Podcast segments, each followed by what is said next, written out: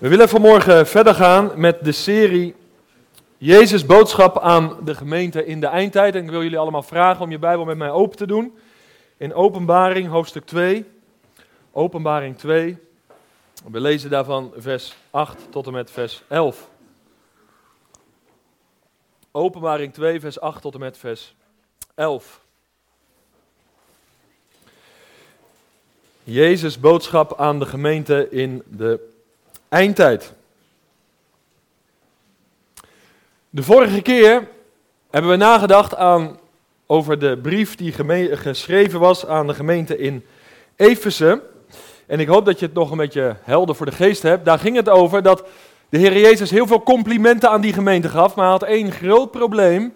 En dat is dat ze de eerste liefde hadden verlaten. Hij was dus niet lovend over die gemeente. Nee, hij zei zelfs: bekeer je en zo niet, dan haal ik de kandelaar weg. Dat was de boodschap aan Efeze. En dan moet je even goed onthouden als we het nadenken over de zeven brieven, dan geloof ik dat dat een boodschap is, zeven boodschappen voor ons vandaag. En het is de Heer Jezus zelf geweest die in Matthäus 24 zegt, in de eindtijdreden, dat de liefde van velen zal verkillen. Dus als Efeze wordt gewaarschuwd, en wordt aangespoord om terug te gaan naar de eerste liefde, dan is het voor ons van belang om ons leven te toetsen persoonlijk en als gemeente collectief. Leven wij nog bij die eerste liefde, vanuit die eerste liefde? De hoogste kwaliteit liefde. Waarom moeten we ons toetsen? Jezus zegt, er zullen dagen komen dat de liefde zal verkillen. En dat heeft alles te maken met wetteloosheid. Dus je ziet dat dat heel actueel is allemaal. Nou, vandaag gaat het over de brief aan de gemeente in Smyrna. Nou, en als je, jullie zijn ondertussen in openbaring 2, maar als je in diezelfde eindtijdreden van de Heer Jezus leest, in Matthäus 24, vers 9, dan zie je dat de Heer Jezus zegt, in de eindtijd zal verdrukking en vervolging toenemen. Het lijden als christen zal een werkelijkheid zijn. En wat zie je dan in de gemeente Smyrna? Dat zij daar al mee te maken hebben gehad. En wat is nou het punt bij lijden en vervolging?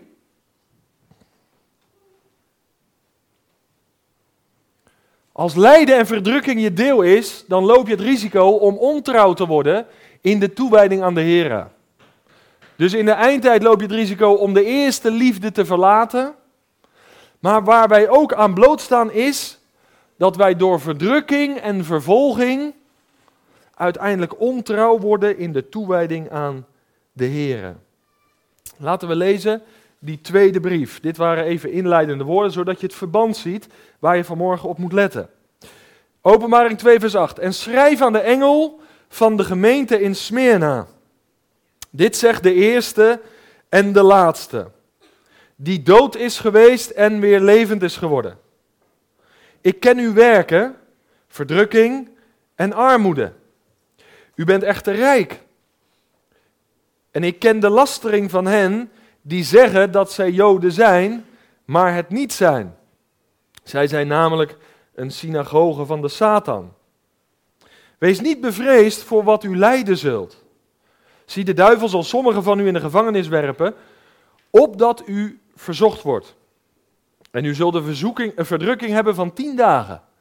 Wees trouw tot in de dood, en ik zal u de kroon van het leven geven.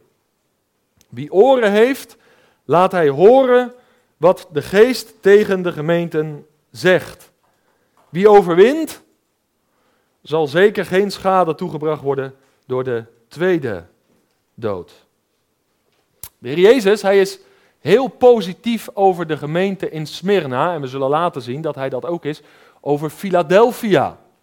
En dat in tegenstelling tot de de brief die hij schreef aan Eversen, waarin dus duidelijk wordt dat hij een probleem met die gemeente had. Maar als je deze vers op je in laat werken, uit de openbaring 2, die we net gelezen hebben, dan moet je beseffen dat dat voor miljoenen christenen vandaag, die vallen onder een islamitisch of een communistisch regime, realiteit is. Dat moet je even beseffen, wat we nu gelezen hebben. En de vraag is, Hoe zal onze toekomst eruit zien? Even los van hoe je over de grote verdrukking denkt, of we daar nu wel of niet doorheen gaan. Ik geloof dat de komende tijd het er niet makkelijker op wordt om de Heer Jezus te blijven volgen. Dat gaat een offer vragen. En dat is de eindtijd. Dat is de tijd dat je geen grijze muis kan blijven, maar dat je kleur moet gaan bekennen. En ik geloof, broeders en zusters, dat we in die tijd leven. En daarin is Smyrna zo'n geweldig voorbeeld dat wij hun volgen van de Heer Jezus mogen gaan navolgen. Dat wij in hun spoor gaan. Want ik herhaal het, als de druk wordt opgevoerd in ons leven, als daar lijden is, als daar vervolging is, dan lopen we het risico om ontrouw te worden in de toewijding aan de Heer. En de geschiedenis heeft het bewezen. En ik ga dat niet één op één overzetten, maar even ter verduidelijking. Als je naar de Tweede Wereldoorlog kijkt, in de Tweede Wereldoorlog zijn mensen tot een verandering gekomen, tot een heel andere levenswandel, andere keuzes, die, je voor, die ze voor de Tweede Wereldoorlog nooit hadden gemaakt. Mensen zijn soms als een blad van een boom omgedraaid. Waarom? Omdat de druk werd opgevoerd. En ze zijn overgegaan tot daden die ze als vrije Nederlander nooit hadden gedaan. Je ziet dus, de geschiedenis bewijst het, de Bijbel laat het zien, dat wij onder druk soms omdraaien als een blad van een boom. En dat is dus heel voorzichtig, moeten we heel voorzichtig in zijn. Van ja, als het mij overkomt, dan zal ik wel. Nou, de geschiedenis bewijst het in de kerkgeschiedenis. Dat je de meest vreemde situaties gaat krijgen. Nou, Smyrna is voor ons in de eindtijd een gemeente die niet is omgedraaid als een blad van een boom, maar trouw bleef in de toewijding aan de Heer. En daar willen we vandaag naar kijken. Smyrna is de huidige, kennen we vandaag als de huidige stad Izmir. De derde grote stad in het huidige Turkije. Havenstad. Het bijzondere is, Smyrna is niet zoveel van bekend, dus daar ga ik je ook niet mee vermoeien, omdat er niet zoveel van te vertellen is. Waarschijnlijk is deze gemeente ontstaan door de bediening van Paulus. Je leest dat, als je meeschrijft, kan je dat opschrijven in Handelingen 19, vers 10. Want daar staat dat hij het woord predikte in heel de provincie Azië. En Blijkbaar is hij ook daar gekomen en is daar een gemeente gesticht. Nu komt er iets interessants. Dat is heel mooi en tekenend voor deze gemeente. Smyrna, als je naar de betekenis kijkt, dan is het woord Smyrna afgeleid van het woord mirre. En mirre is afgeleid van een woord dat bitter betekent. Bitter. Tegelijk weten we ook vanuit de Bijbel, vanuit de zalving en noem maar op, dat mirre een heerlijke geur verspreidt. Of niet? En die twee, die komen samen in de gemeente hier van Smyrna. Het is een beeld. Aan de ene kant Smyrna, mirre, bitterheid. Daar zal ik je zo van vertellen. En aan de andere kant is mirre een zalf die een heerlijke geur verspreidt. En dat was beide van toepassing op de gemeente in Smyrna. En ik geloof dat ieder die rechtvaardig wil leven, die godvruchtig wil leven, zal door deze dingen heen gaan. Maar ik hoop dat dan niet alleen de ene kant gezegd wordt van ons, er is bitterheid, er sprake van vervolging, van onderdrukking, maar dat we onder de druk juist die heerlijke geur van de Heer Jezus verspreiden. Smyrna, mirre, bitterheid, en tegelijkertijd een heerlijke geur. Dat was het kenmerk van deze gemeente. Daar in Klein-Azië, Smyrna. En als je een beetje thuis bent in de kerkgeschiedenis, ik kwam dat tegen en ik wil dat toch voorlezen, dan heb je ook gelezen over de kerkvader Polycarpus, of niet? Nou, Polycarpus, dat is waarschijnlijk een leerling geweest van de apostel Johannes, die deze openbaring van de Heer Jezus kreeg. Dus eigenlijk net, voor zover je dat zo kan noemen, na de apostolische tijd, was er de kerkvader Polycarpus. En hij was voorganger in deze gemeente. En luister naar wat ik over hem las. Typerend voor de gemeente in Smyrna is wat er gebeurde met Polycarpus, de oude voorganger van de gemeente. Hij was een leerling van de apostel Johannes en de, Romeinse consul beloofde hem de vrijheid indien hij Christus zou afzweren. Hij had dus al te maken met die vervolging, verdrukking. Maar wat was het antwoord van Polycarpus? Indrukwekkend. Hij zegt dit. Hij zegt, ik heb mijn koning 86 jaar gediend. Nooit heeft hij mij enig kwaad gedaan. Kan ik hem, die mij heeft verlost, oneer aandoen? Joden en heidenen eisten de brandstapel. En toen men Polycarpus wilde vastmaken aan een paal, sprak hij deze woorden daar nog aan toevoegend: Spaar uw nagels maar. God zal mij vasthouden in het vuur. Ik acht het een eer, waardig te zijn geacht, een plaats in te nemen onder de martelaren van Jezus.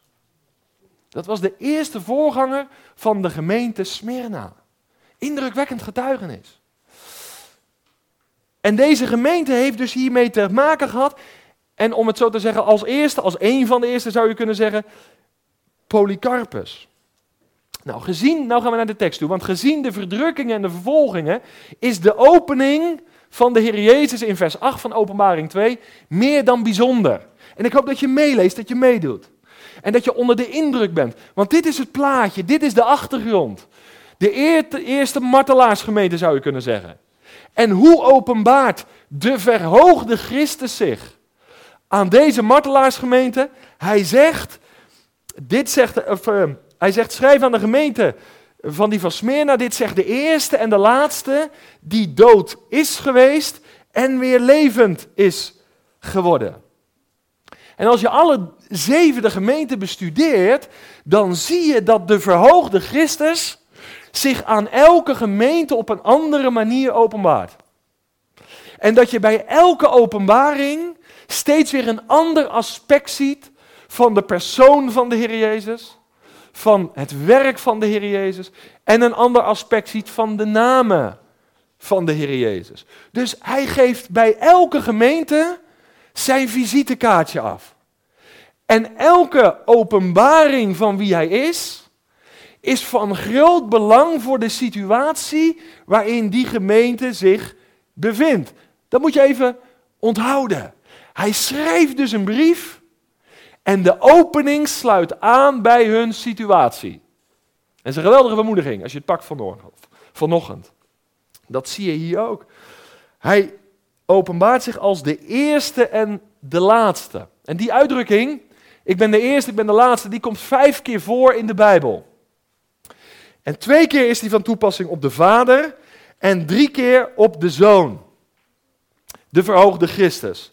En het gaat hier om de verhoogde Christus, wat ik al zei. En wat wil dat nou zeggen dat hij zich op die manier openbaart? Nou, hij was er altijd al. En hij zal er altijd zijn. Wij moeten goed beseffen, God heeft de tijd geschapen. Maar bij God is geen tijd in die zin. Hij is van eeuwigheid tot eeuwigheid. En binnen die eeuwigheid schiep hij de tijd. Als iemand het beter kan uitleggen, dan nodig ik hem uit om naar voren te komen. Maar God is van eeuwigheid tot eeuwigheid. Hij is eindeloos. Hij was er al voordat ik er was. En voordat ik aan hem dacht, dacht hij al aan mij. En dit is goed om te beseffen. Je moet weten, die gelovigen waren daar in verdrukking, werden vervolgd. En hij openbaart zich als degene die de tijd ontspant. De tijden zijn in zijn hand. Het is een geweldige bemoediging. Dat geeft ook een ontspannen leven. Dat geeft ook rust.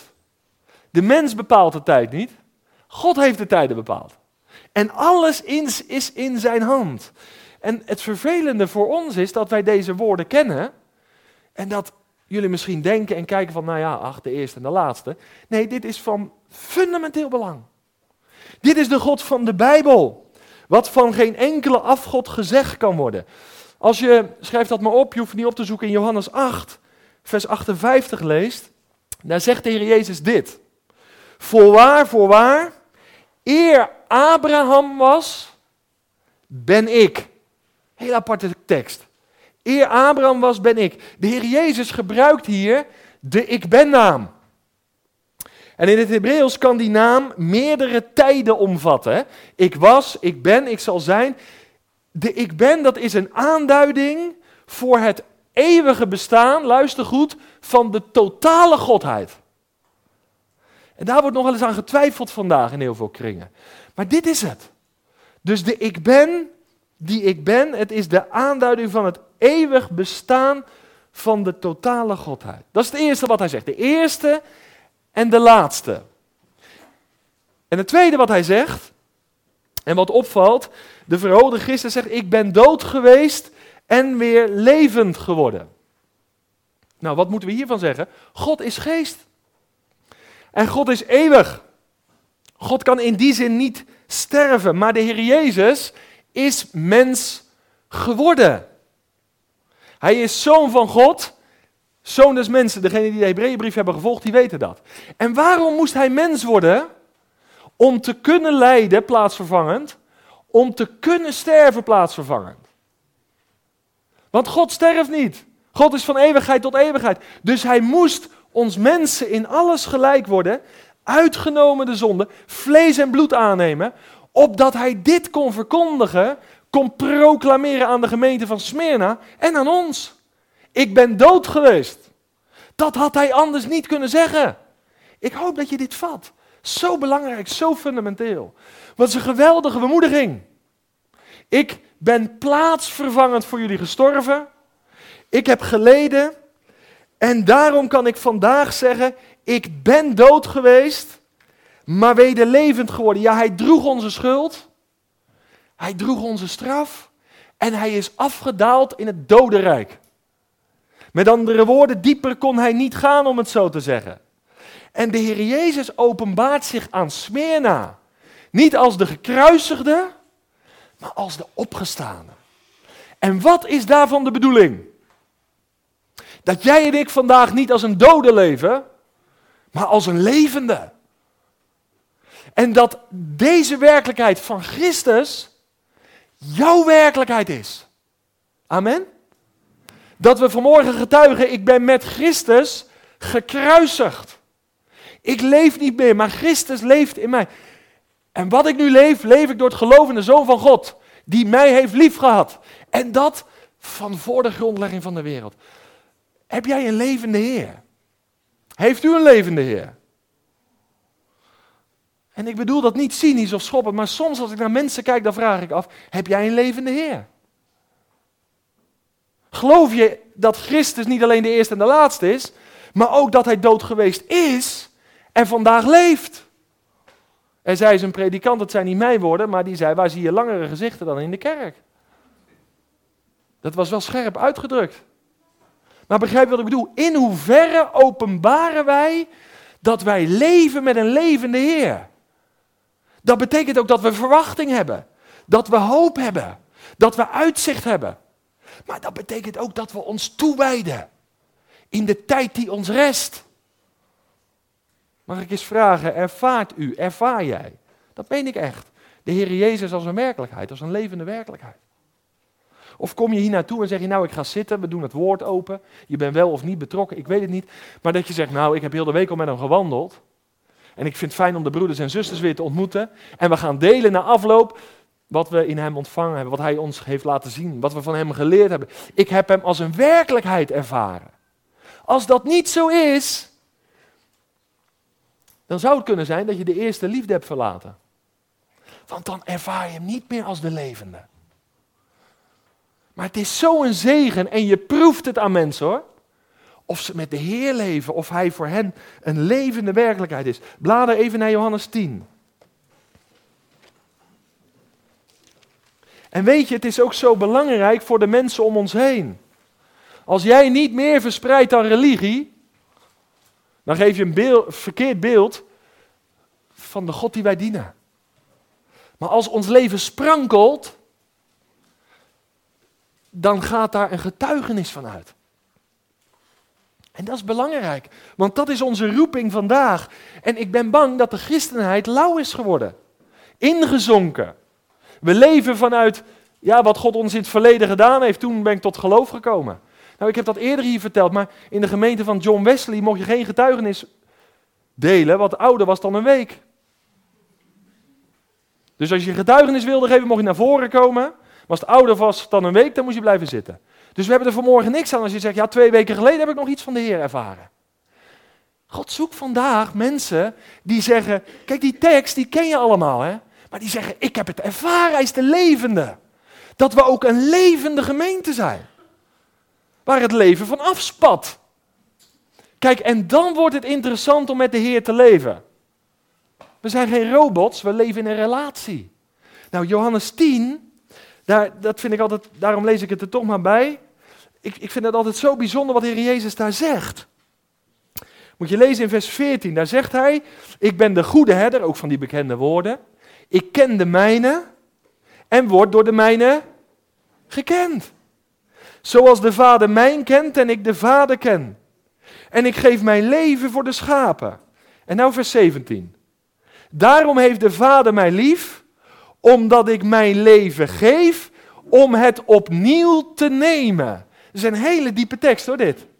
De Heer Jezus, hij is niet vermoord. Hij heeft zijn leven afgelegd om het vervolgens weer, mag ik het zo zeggen, op te pakken. En zo openbaart hij zich aan de gemeente in Smyrna. Vind je dat niet indrukwekkend?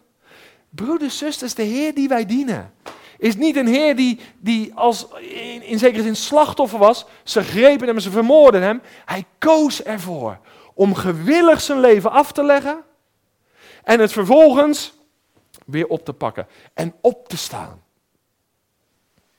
En ik begrijp waarom Smyrna wordt bemoedigd met deze tekst. Ik ben de eerste, ben de laatste. Ik was dood, maar ik ben levend. En zo openbaart hij zich. Smyrna is onder de indruk gekomen. En jij? Je zal zeggen, ja, ik ken deze tekst al. Ja, dat boeit me eigenlijk niet zo heel veel. Leef je vanuit deze tekst? Leef je vanuit deze werkelijkheid? Want weet je wat dat betekende voor Smyrna? Jezus is de eerste en de laatste. En niet de vervolging is de laatste. En niet de vervolger is de laatste.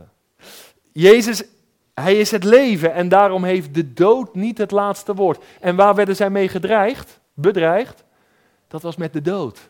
Dus Christus openbaart zich hier als degene die zegt: Er is perspectief voor jullie, zelfs als de dood hier op aarde je deel is. Amen. Dus een christen leeft niet meer voor het hier en nu. Hij heeft een perspectief, een vergezicht. En dat bepaalt zijn leven vandaag. Daar gaat het om. De Heer Jezus die leert dus de gelovigen in Smyrna om over de dood en het graf heen te zien.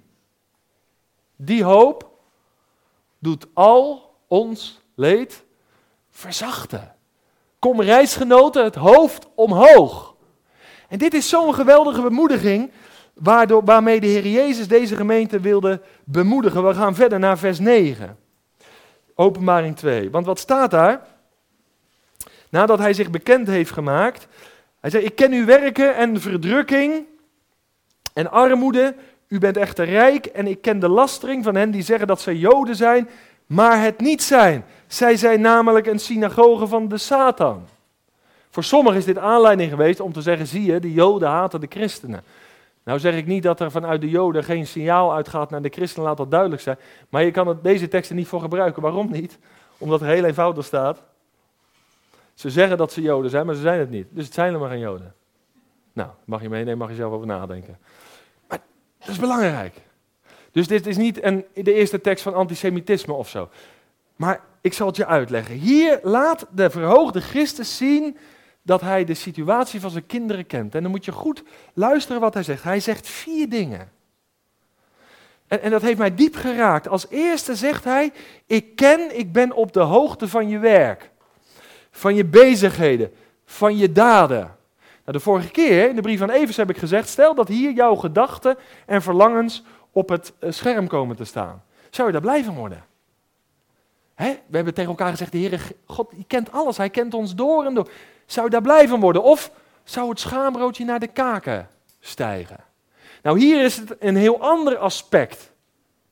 Hier gaat het om, ik weet je werken, ik weet je daden, ik weet je bezigheden. Met andere woorden, ik ben op de hoogte van je wandel. Je bent oprecht in de toewijding aan mij. Dat is toch heerlijk als hij dat weet? Een ander oud lied zegt, al wat gedaan werd, uit liefde tot Jezus, dat houdt zijn waarde en zal blijven bestaan. De dingen die wij hier op aarde doen, die, die, die gaan beloond worden. God ziet het. Hij kent het. Tweede, en dan komen we dichter bij het punt, hij zegt, ik weet ook van je verdrukking. Vanuit het Grieks betekent dat het volgende. Ik weet van je benauwdheid, van je moeilijkheden, van je kwellingen, van je vervolgingen. Dat is het tweede. Het derde wat hij zegt, ik weet ook van je armoede. En je zou dat kunnen samenvatten als ze konden niet voorzien in hun eerste levensbehoeften of ze konden er nauwelijks in voorzien. Dus dan heb ik nog niet over luxe, maar dan gaat het om die eerste behoefte. Armoede. En het laatste wat hij zegt over hen, weet je waar ik ook van op de hoogte ben? En misschien speelt het wel in je eigen leven. Ik ben op de hoogte van het feit dat je wordt belasterd. Dat betekent vanuit het Grieks dat je zwart wordt gemaakt. Belaster heeft hiermee te maken dat je in het openbaar beschuldigd wordt, terwijl het niet waar is. En dat is een van de meest aangrijpende dingen die je kan gebeuren in het leven. Ik heb hier over Nehemia gesproken. Bij Nehemia was dat ook zo. Nehemia had een goed verlangen en hij was aan de slag gegaan. Maar wat zei het volk? Ja, je hebt een leuk plan en het klinkt allemaal mooi, maar je wil zelf koning worden over Jeruzalem. Zijn intenties waren oprecht en hij werd vals beschuldigd aan publiek. En dat was zo met die mensen daar in Smyrna ook. En door wie werd dat gedaan? Nou, door mensen die zeiden dat ze Joden waren, maar ze waren het niet. Met andere woorden, het waren huigelaars, schijnheiligen. En geloof me, ook vandaag, dit is zo actueel, zijn er heel veel naamchristenen, uiterlijke christenen, uiterlijk behorend tot een of andere beweging, gemeente of wat dan ook. En er zijn waarachtige christenen, dat zijn christenen naar het hart. Die eerste groep, uiterlijk, zij leven vanuit religie. En die tweede groep, zij leven vanuit relatie. En die laatste, of die eerste, die leven vanuit religie, die zijn vaak het meest vijandig. En ik weet ervan te getuigen uit mijn eigen leven. Ik kwam tot geloof en ik had een brandend hart voor de Heer Jezus en ik liep stage bij een makelaarskantoor, daar deed niemand ergens aan. En aan het einde van de stageperiode, ik had al veel gesprekken met ze gehad, had ik iedere collega een Bijbel gegeven. En ze gingen allemaal in een kringetje om me heen staan. En ik zei, ik ga afscheid nemen met het beste boek wat ik je kan geven. En ik gaf ze allemaal een Bijbel. En ze waren diep onder de indruk. Ze hadden diep respect voor me. En ik ben daar op een hele goede manier weggegaan. Maar ik weet ook, toen ik tot geloof kwam, toen kreeg ik vijandschap, tegenstand van hen die zeer godsdienstig waren die uiterlijk betrokken waren, die lid waren van een of andere kerk of meeleefden met een beweging, maar wiens hart ver van de Heer was. De meest venijnige vervolging komt vaak uit religie. Geloof me. En dat niet alleen in landen hier heel ver vandaan, maar ook in ons land. En broeders en zusters, als we deze vier punten op ons in laten werken. Weet je wat ik dan tot welke conclusie ik kom. Dat al die punten, al die vier, die waren ook van toepassing op de Heer Jezus. Hij heeft ze allemaal ondergaan. Hij kwam om de wil van de Vader te doen. De Vader kende zijn werken, zijn daden, zijn activiteiten. En hij kreeg de goedkeuring van de Vader over zijn leven. Amen? Dat is belangrijk. De Vader was blij met hem. Hij gaf hem vreugde. Tweede is ook van toepassing. Hij is verdrukt. Hij weet wat het is om gekweld en vervolgd te worden. En de Heer Jezus, hij leefde niet in de comfortzone. En dat is misschien wel heel belangrijk vandaag. De Bijbel zegt, je kan niet God dienen en de mammon. Geld en godvrucht gaat bijna niet samen. Ik zeg niet dat er geen rijken in de Bijbel zijn. Maar ze zijn op één hand te tellen bijna. Omdat inherent aan het christelijke geloof is dit: dat ik geen deel heb aan de mammon.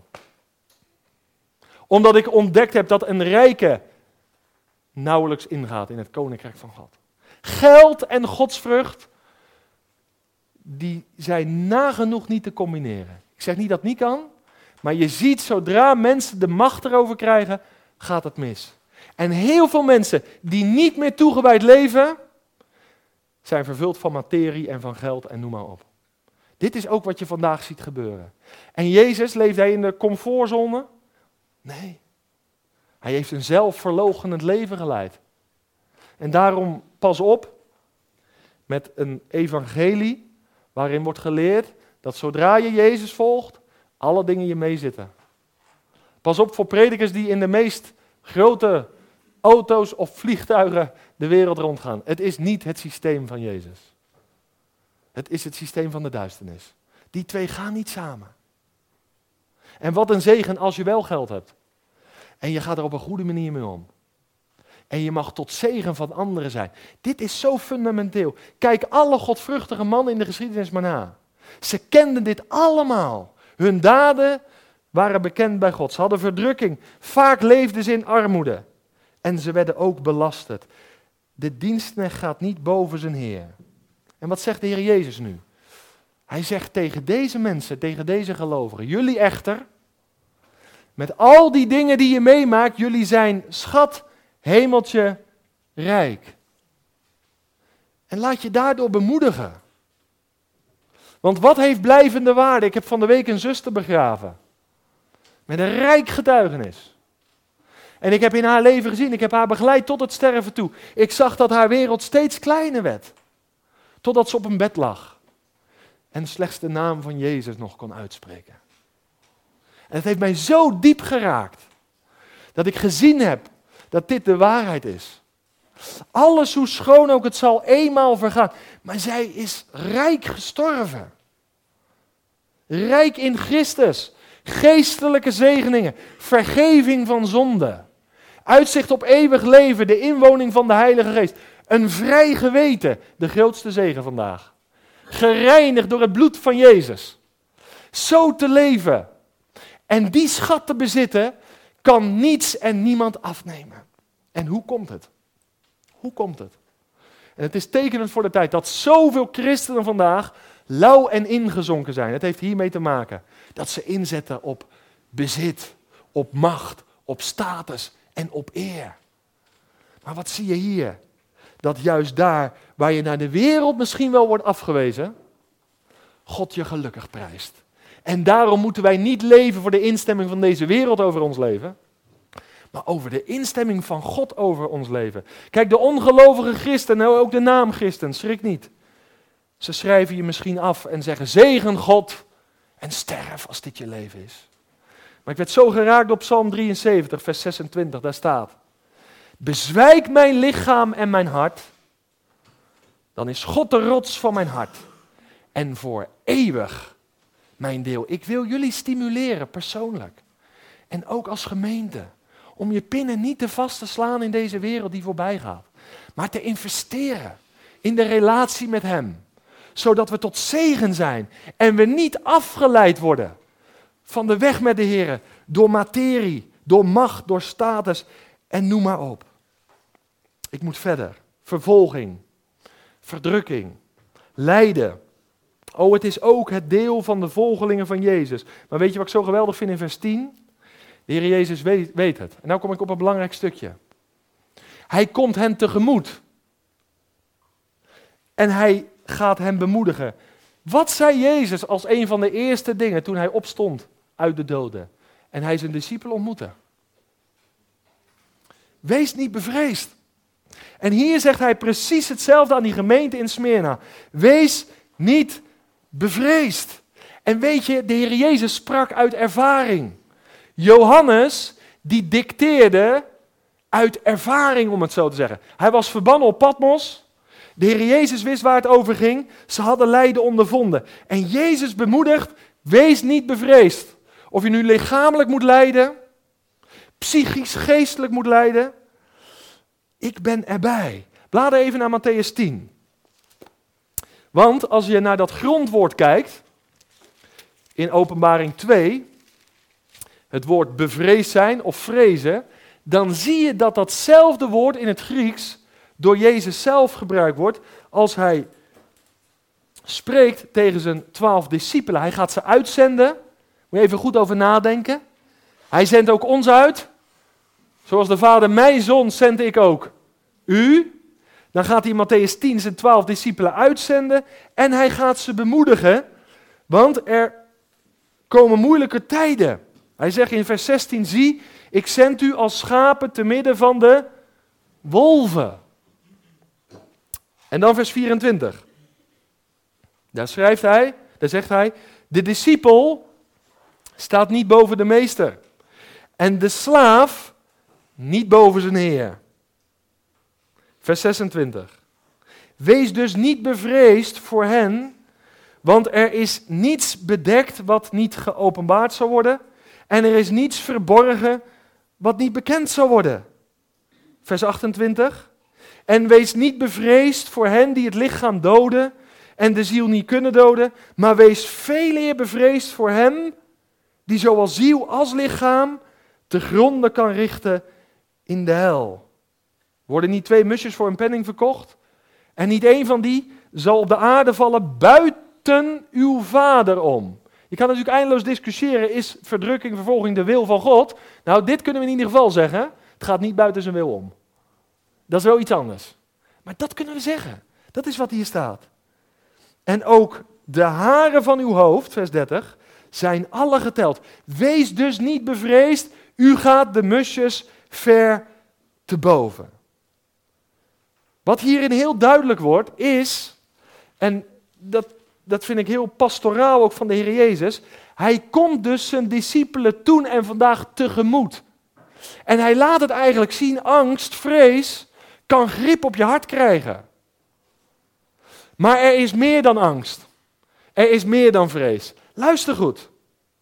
Veel mensen worden vandaag geleid door vrees, geloof me. Veel mensen zijn angstig. En ik ben erachter gekomen door de bestudering van dit gedeelte en veel andere gedeelten, dat angst en vrees een van de hoofdwapens is van Satan om de gelovigen vandaag te maken tot slaven. Echt. Er zijn mensen die zijn angstig en bevreesd voor de toekomst. Er zijn mensen die zijn angstig en bevreesd voor mensen. Zijn mensen bevreesd voor ziekte. Er zijn mensen angstig voor de dood. En de Heer Jezus gaat daar niet oppervlakkig mee om, laat dat duidelijk zijn.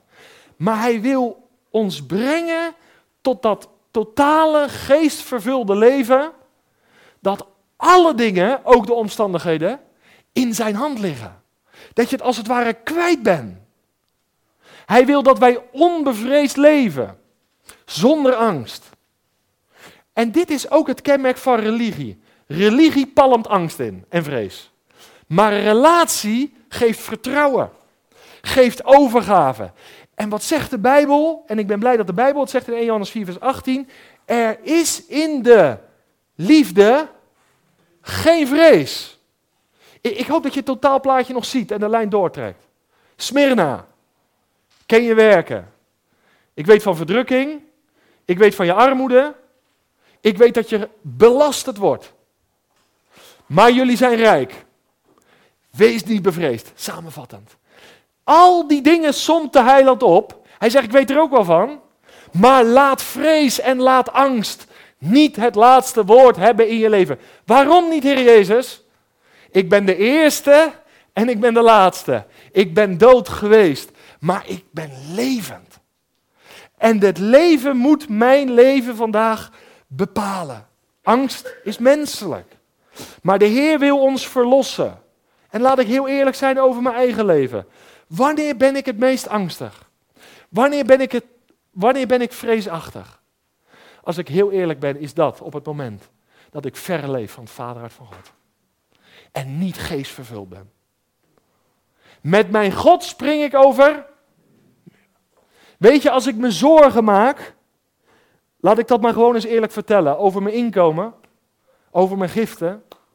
Dat zijn vaak tijden dat ik niet dicht bij het van God leef. Zodra ik op mijn rekeningen ga kijken, gaan er een soort belletjes ringelen, uh, branden, uh, rinkelen ja, en lampjes branden. Maar wees eerlijk, als we dicht bij Hem leven, vol zijn van de liefde van Christus, dan zijn bergen vlak en zeeën droog. En dat is niet iets, uh, doe het namens, dat is de ervaring van allen die de verschijning van de Heer Jezus Christus hebben liefgekregen. En tot welk punt wil de Heer ons brengen? Tot een onbevreesd leven. In de rust, in de overgave. Daarvoor is Hij gekomen. Om de werken van de duisternis te verbreken. En een van die werkeninstrumenten van de Satan is jou en mij vrees en angst inboezemen. Ik stond van de week aan een open graf. En toen kwam er in één keer een flits binnen. En hoe zou jij zijn als dat moment voor jou aanbreekt? En dan kan in één keer die gedachte om je hart slaan. En dan moet je weerstand bieden tegen die gedachte. En gebruik maken van het bloed van Jezus Christus, wat mij verlost heeft, gereinigd heeft. En op grond waarvan ik hoop mag hebben, over dood en graf heen. Mag ik vragen, ben je angstig? Ben jij iemand die voortdurend in angst leeft, in vrees leeft? De Heer Jezus, de verhoogde Christus, zegt tegen de gemeente die aan den lijve ondervond: vervolging, verdrukking, benauwdheid, onrecht, laster, armoede. Jullie zijn schat, hemeltje rijk. Wees niet bevreesd. Terug naar Openbaring 20. Dan gaan we rustig aan afronden. Hou nog even vol. Openbaring 2. Heer Jezus zegt het. Oh ja, zeker, ze kunnen je in de gevangenis werpen. Dan moet je goed begrijpen, de gevangenis was in die tijd geen straf, maar vaak, of niet altijd moet ik zeggen, maar vaak een periode om je vonnis af te wachten. Dus je was daar in de gevangenis in afwachting van je vonnis. En zo zie je ook dat een overheid ook een instrument van de boze kan zijn, om je gevangen te zetten. Dus overheden moeten we in de gaten houden. Maar nu staat er een belangrijk woord en voordat ik allerlei vragen krijg, wil ik dat uitleggen. Er staat in vers 10, uh, zie de duivel als sommigen van u in de gevangenis werpen, opdat u verzocht wordt. En dat is niet helemaal goed vertaald. Als u dat woord verzoeken leest, in de Telos-vertaling, daar staat het beter vertaald. En daar staat uh, op de proef stellen. Meer in die trant. En dat is wat er hier bedoeld wordt. Opdat u wordt verzocht wordt daar vertaald met op de proef worden gesteld. En als je het vanuit het Grieks bekijkt, betekent het beide. Verzoeking en beproeving. En dat is ook heel logisch. Laat me dit kort uitleggen. Verzoeken, dat is een poging om iemand te verleiden. Dus verzoeken is negatief en komt vaak het rijk van de duisternis. Er zit Satan achter. Beproeving betekent dat iemand de proef moet doorstaan. Is positief, met als doel dat het vuil in mijn leven naar boven komt en dat er zuiver goud overblijft. Dat. Dus verzoeking en beproeving. Maar als je het vanuit het grondwoord vertaalt, dan houdt het het, heeft het die twee aspecten. En daarom is dat de beste vertaling als je het combineert. Verzoeking van Satan, broeders en zusters, kan tegelijkertijd beproeving van God zijn. Je zou ook kunnen zeggen, het is allebei een test. Dat hebben ze gemeenschappelijk. Het is een test. In het negatieve geef ik toe, of om, in het positieve kom ik er beproefd uit. En dit zie je heel duidelijk bijvoorbeeld terug in het leven van Job. Daar ging dat samen op. De volgende beproeving, en daar gaat de verhoogde Christus mee afsluiten. Hij zegt, u zult slechts een verdrukking hebben van tien dagen. Een verdrukking van tien dagen. Wees trouw tot in de dood en ik zal u de kroon van het leven geven. Een verdrukking van tien dagen. Nou, er zijn allerlei visies over wat die tien dagen dan betekenen. Sommigen denken aan de tien grote vervolgingen die bij keizer Nero zijn begonnen en die als een beestenkeer is gegaan. Zelf denk ik, en dat is ook de overtuiging van andere uitleggers, dat het expliciet spreken over het aantal dagen duidt op een vastgestelde tijd. Het is tien dagen een, korte periode. Dus de tijd van lijden is afgebakend. Dat is ook een bemoediging. Dat is het. Het is een korte tijd. Ja, maar tien. Nee, begrijp wat je bedoelt. Maar in verhouding, een korte tijd, vastgesteld. God gaat je niet beproeven boven wat je aan kan. Dat is belangrijk. Dat is ook een bemoediging. De Heer heeft de tijden in zijn hand. En daar leef ik uit. En dat is wat hier bedoeld wordt. Je leest dat ook bijvoorbeeld, dat is wel mooi, in Daniel 1, vers 12 tot en met 15. Daar zegt Daniel, geef ons tien dagen. En dan zullen we laten zien dat het voedsel wat wij eten, ons sterk maakt en knap houdt. Nou, noem maar op. Geef ons tien dagen. En wat doet Daniel? Hij gaat tien dagen dat dieet volgen. Genesis dieet zou je kunnen zeggen. En wat blijkt, na tien dagen moeten ze voorkomen en ze zien er stralend uit. Geef ons tien dagen. Korte tijd, afgebakend. Uw verdrukking, jouw verdrukking. Tien dagen. Als er op dit moment moeite in je leven is, als er verdrukking is, als er vervolging is, van welke aard dan ook. Weet dit, het is een afgebakende tijd. God houdt de regie. Hij is niet onbewogen, maar bewogen en daarom blijf getrouw. Tot de dood.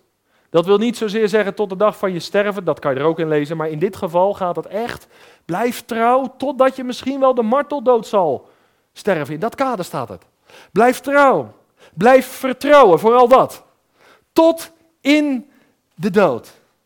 En je zal een kroon krijgen. Vanuit het Grieks is dat een krans. Een onverwelkelijke, wel te verstaan. Een krans van het leven zou je deel zijn. Het is een beeld van spelen, van sporten, van prijzen. Beloning. Als je tot wedergeboorte geloof komt, oh, dan heb je oren die horen wat de geest tot de gemeente zegt. Er is beloning voor diegenen die volharden. En ik geloof dat het daarop aankomt. En je kan aan de ene kant van de dijk eraf rijden en zeggen, ja, God is de soeverein, hij zorgt voor de volharding. Volharding. En aan de andere kant van de dijk zeggen, ja, jij moet volharden. Maar laat dat alsjeblieft samen staan. God is de soevereine. Als jij je verantwoordelijkheid niet neemt, zou je afhaken. Het gaat samen. Volhard tot het einde. Blijf getrouw tot de dood. En weet je wat ik zo geweldig vind? De Heer Jezus gaat een beloning uitdelen. En wat zegt hij? De overwinnaars van Smyrna, die het volhouden, zij worden geen, hen wordt geen schade toegebracht door de tweede dood. En dit is belangrijk. De Bijbel spreekt dus ook over de eerste dood. De eerste dood is het gevolg van de zonde. Ten dagen als gij daarvan zult eten, zal je de dood sterven. De bezoldiging, de uitbetaling, het loon van de zonde is de dood. De dood hoort niet bij het leven. Is een gevolg van de zonde. Dat is de eerste dood. En, en die is onontkoombaar. Of de Heer Jezus moet eerder terugkomen, laat dat duidelijk zijn. Maar ieder moet er doorheen. En de vrouw die ik van de week begraven heb, is erg bemoedigd door dat lied Nog één rivier. Misschien ken je het wel. Nog één rivier en dan ben ik thuis. Daar bemoedigde ze zichzelf mee. Een krachtig lied. Het heeft mij ook enorm bemoedigd. Die eerste dood, sterven, als gevolg van de zonde, onontkoombaar. Maar die tweede dood, daar kan je wel aan ontkomen. Die eerste kan je niks aan doen. Die tweede kan je ontkomen door slechts te geloven. Door te vertrouwen. Want de tweede dood is de eeuwige straf, aangrijpend, voor de ongelovigen bij het laatste oordeel. Openbaring 20. Hun plaats zal zijn in de pool die brandt van vuur en zwavel. Verschrikkelijk. Dat is ook de werkelijkheid. En wie ontkomen aan die tweede dood? De brief aan Smyrna zegt de overwinnaars. Zij die trouw blijven tot het einde, die blijven vertrouwen, die niet afhaken ter afsluiting, te midden van vervolging, verdrukking, lijden, moeite, armoede, verdriet. Ze zijn rijk in Christus. En die rijkdom kan niet weggebrand worden door een vuur. Kan niet weggeslagen worden door nagels. Die kan niet achterwege blijven of gemist worden doordat we moeten sterven hier op aarde. Nee, die blijft in de hand van God. En hij brengt zijn kinderen daar waar hij is, Smyrna. Samen met Philadelphia, de enige gemeente waar de Heer Jezus niet negatiefs over zegt. En ik sluit af met deze vraag. Toen ik dit overdacht, en er valt veel meer over te zeggen. Maar ik heb deze vraag gesteld en laat die op je inwerken. Wat is nu de reden, wat zou de reden zijn dat de Heer Jezus over deze gemeente niets negatiefs zegt? Moet je eens over nadenken. Hoe komt dat? Ja, er was niks negatiefs te zeggen. Nee, dat heb ik duidelijk gemaakt. Maar wat is de reden daarvan? Ik denk zelf, en toets je leven, dat dit de reden is. Ik denk dat lijden, en ik zie dat als een lijn in de schrift, dat lijden, verdrukking en de vervolging de gemeente zal zuiveren. Kaf wordt van koren gescheiden. En weet je, Smyrna is een gemeente waar je niet in de luxe zone kon verkeren. Je kon niet in de comfortzone verblijven. Ik luisterde van de week, ik zal niet vertellen van wie, een verhaal, ik hoop dat het waar is, van een groepje mensen die kwamen de kerk in met bivakmutsen op. En automatische pistolen. En toen, de dienst was net begonnen, die predikant stond de preekstoel en heel de gemeente zat er. En zij kwamen met een groepje naar binnen, een groepje boeven. En die zeiden, die gingen vooraan staan, even in mijn woorden. En die zeiden, de ware christenen, die kunnen blijven zitten. En de schijnchristenen, de naamchristenen, mogen nu vertrekken. En daar stonden ze. Gemaskerd en bewapend. En het overgrote deel van degenen die zitting hadden genomen stonden op en liepen weg. Er bleef slechts een rest, een overblijfsel zitten. En toen dat overgrote deel weg was, trokken ze de bivakmutsen van de hoofd af, legden hun wapens neer en zeiden: Dominee, nu kunt u beginnen, want de ware gemeente is nu hier vertegenwoordigd. Zo een heel radicaal voorbeeld. Maar ik denk dit: dat vandaag veel mensen meehobbelen. Met allerlei bewegingen, met allerlei gemeenten. Maar in Smyrna kon je niet meer meehobbelen, moest je een keuze maken. Dus die gemeente was als het ware uitgezuiverd. En de Heer Jezus, die kon hen enkel en alleen maar bemoedigen. In Efeze kon je nog met een sigaar discussiëren over de leer. Nee, dat zie ik toch zo. Ja, dat zie ik toch zo. Maar in Smyrna kon dat niet meer.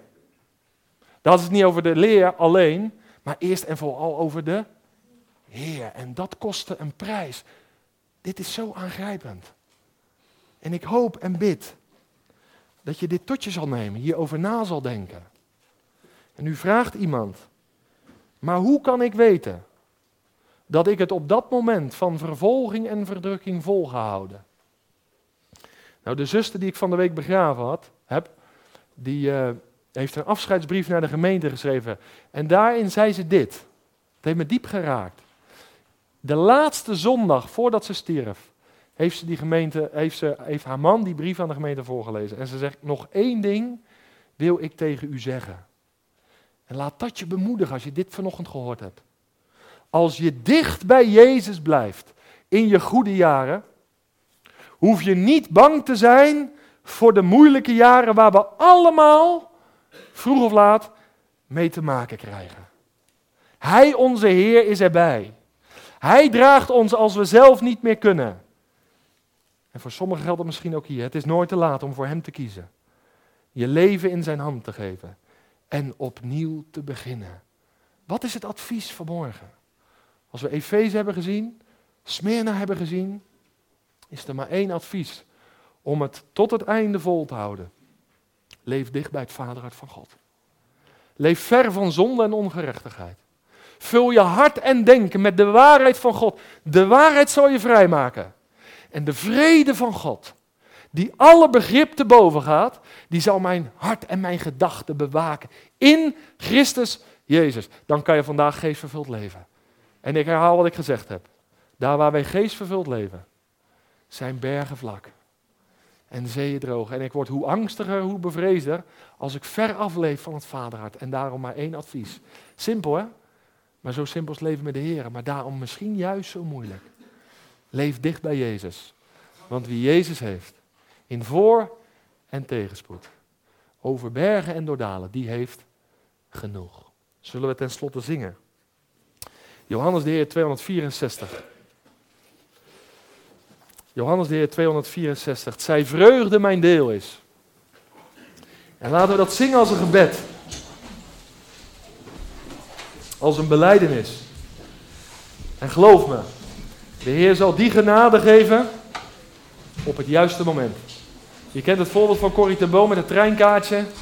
Je krijgt pas het treinkaartje als je instapt.